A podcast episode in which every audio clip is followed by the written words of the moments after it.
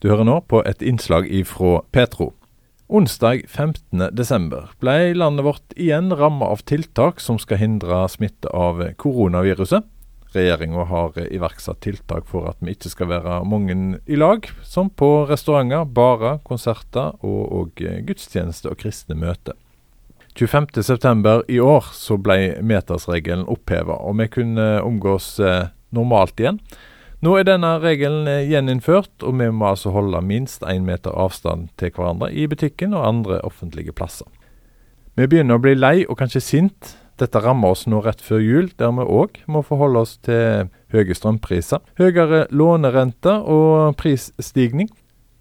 Prest i Den norske kirke sin bymenighet i Sandnes og Petroprest Vidar Mæland Bakke forstår at eh, folk kan bli sint og lei nå.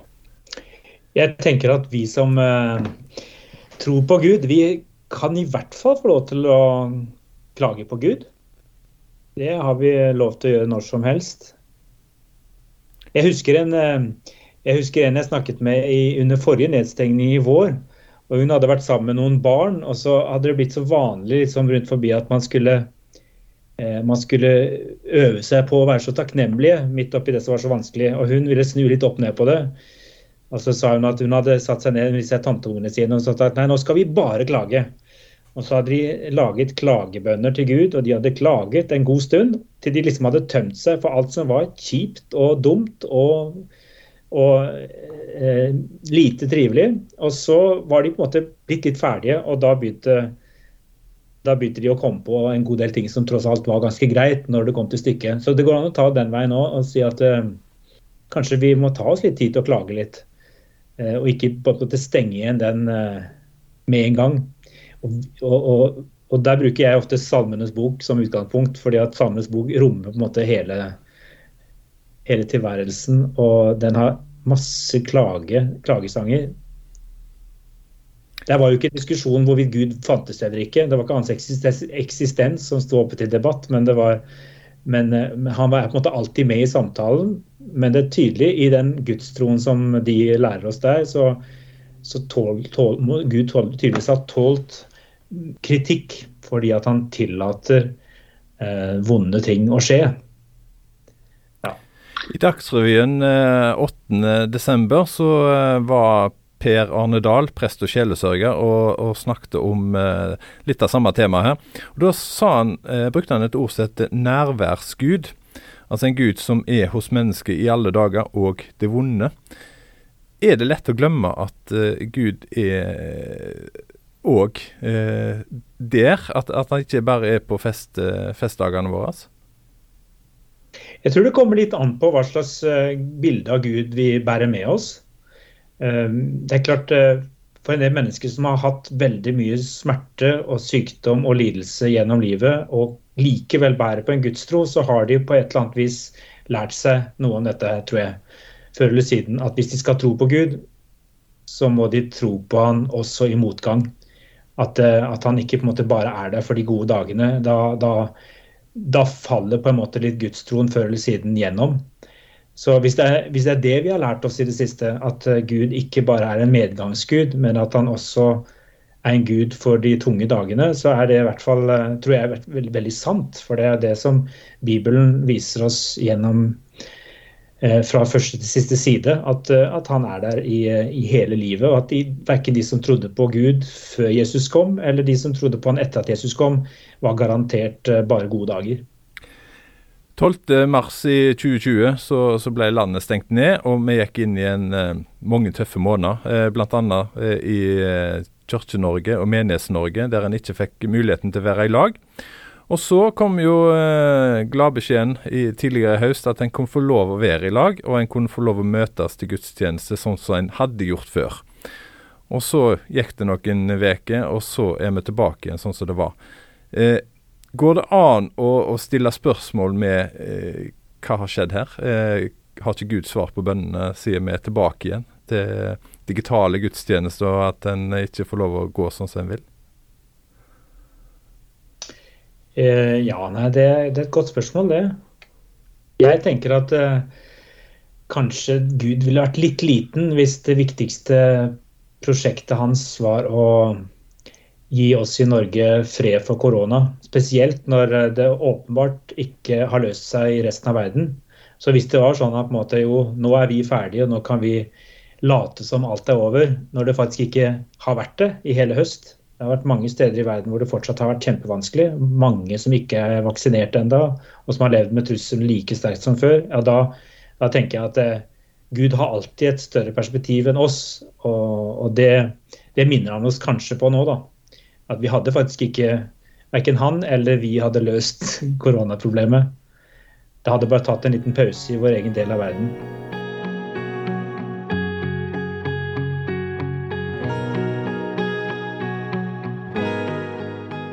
Men blir vi for opptatt av det som har vært før, som, som vi kaller normalen, eh, og, og, så skjer det ting her, og så, så er, blir det endringer i, i, i normalen vår, og så, og så, blir vi usikre?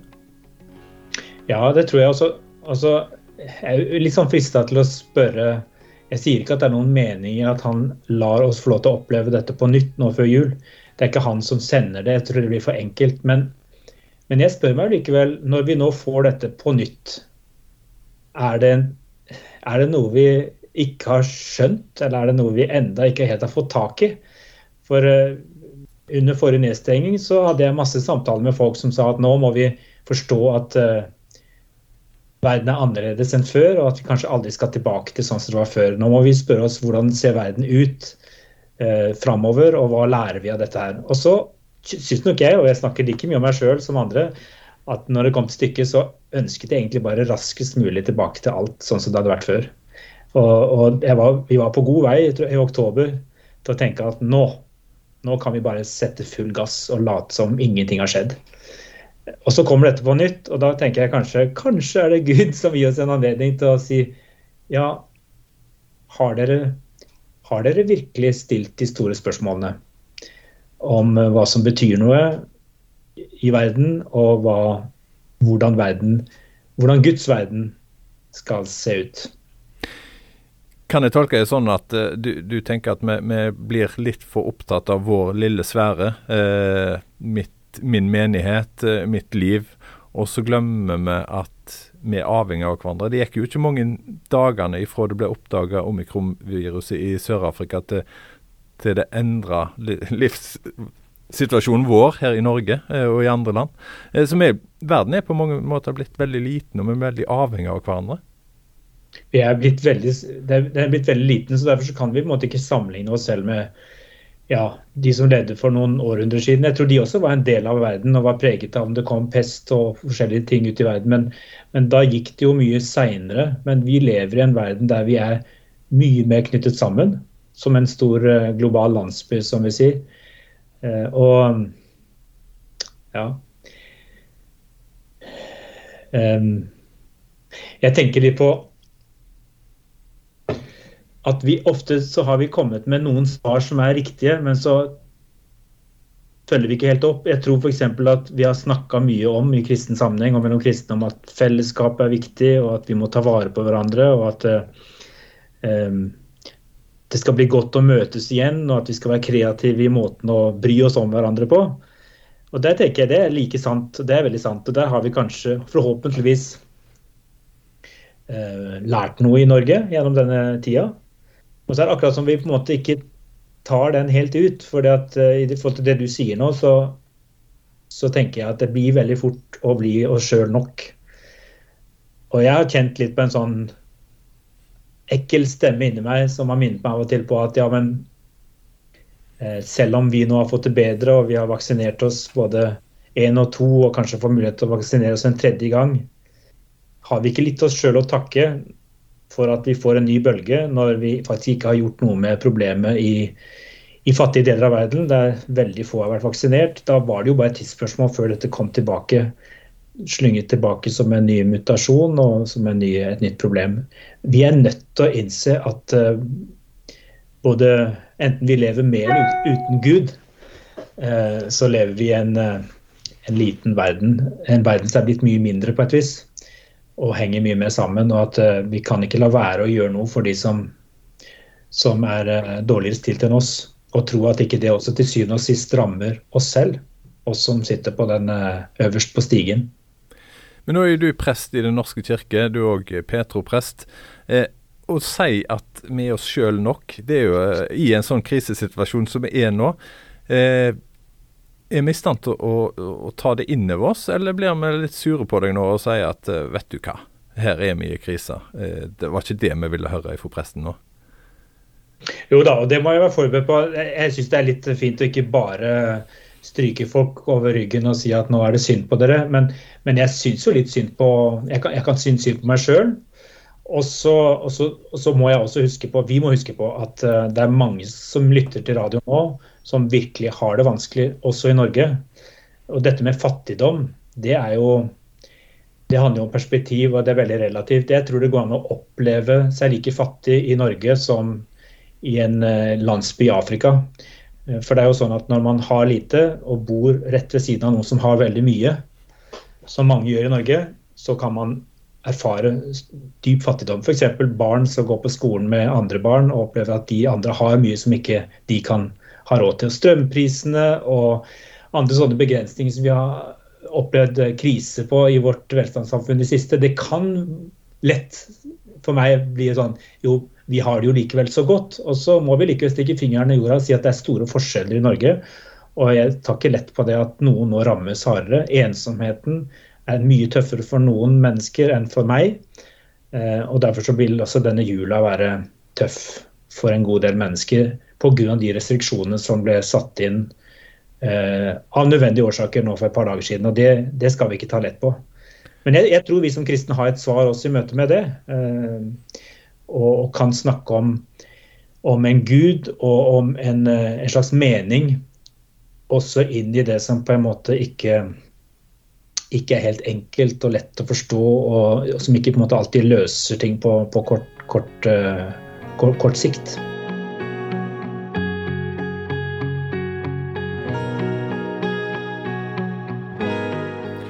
Hvordan snakker en med Gud når en har økonomiske problem? Eh, en vet ikke hvordan en skal greie å betale regningene sine. Lånet blir dyrere, bensinpriser blir dyrere, matvarepriser blir dyrere.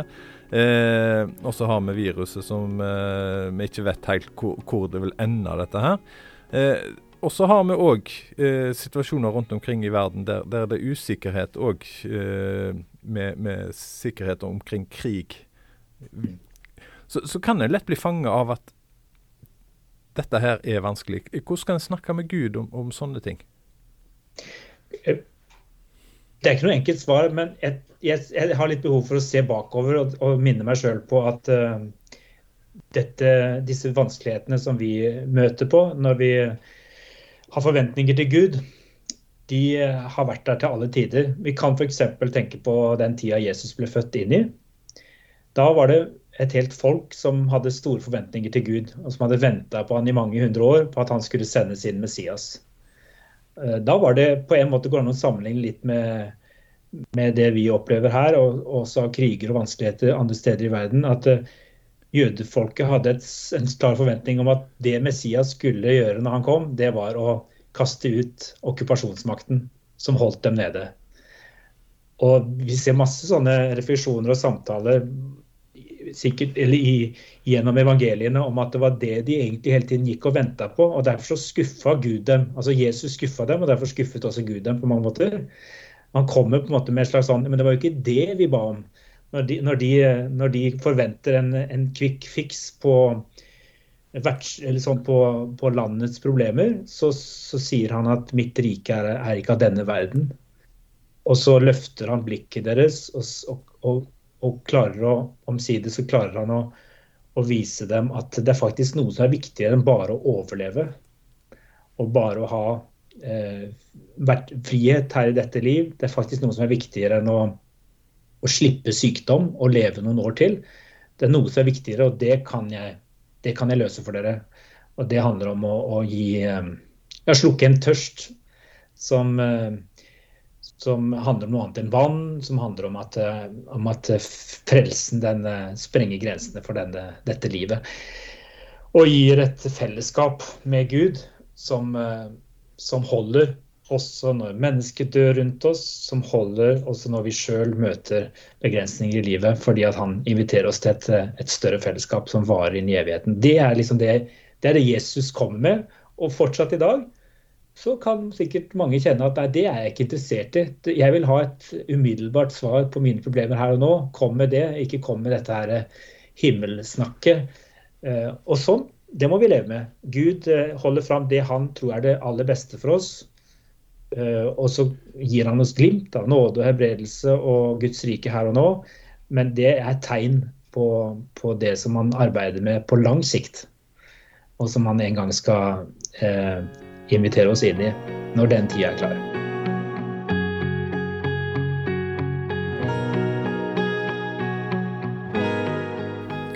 Vi begynte dette intervjuet her med å snakke om at eh, hvor går en med når en er sint og frustrert på, på, på situasjonen vi er i nå. Eh, var det regjeringen, eh, staten eller Gud? Tåler Gud at, eh, at en, eh, sånn som du sier nå, eh, kan være sint på Gud? folk når Jesus ble født, så, så, opplevde jo ikke de at han var sånn som de hadde forventa han skulle være, og var egentlig frustrert da. Vi som lever nå, eh, har vi egentlig sett hvem Jesus egentlig er? Hva, hva er prosjektet hans? Jeg har en sånn tanke om at det er mye bedre å være sint på Gud og, og klage og stille spørsmålstegn ved Gud, enn å forholde oss som om han ikke finnes. Altså, jeg tror at det, den likegyldigheten eller den tanken om at uh, svarene bare ligger hos regjeringen eller i vårt eget liv, og at vi må ha kontroll, vi må løse ting ved vår teknologi og alt det der, det er nesten skumlere, syns jeg, enn det å rette anklagene mot Gud. For, for den som anklager Gud, eh, avslører en tro og en tillit til at Gud eh, kan løse, og at Gud kan at Gud har kontroll. Eh, så, og den tilliten det er noe av det viktigste han ber oss om å vise han. Eh, og den tilliten kan vi også vise gjennom å eh, rope vår klage til han. Og, og be han om å komme når vi opplever at han er langt borte. Det er jo tillit. Det sa prest i Den norske kirke sin bymenighet i Sandnes, Vidar Mæland Bakke, som òg er Petro-prest. Du har hørt et innslag ifra Petro, og du kan finne flere innslag ifra oss på petro.no eller i appen vår Petro, eller der du hører podkaster.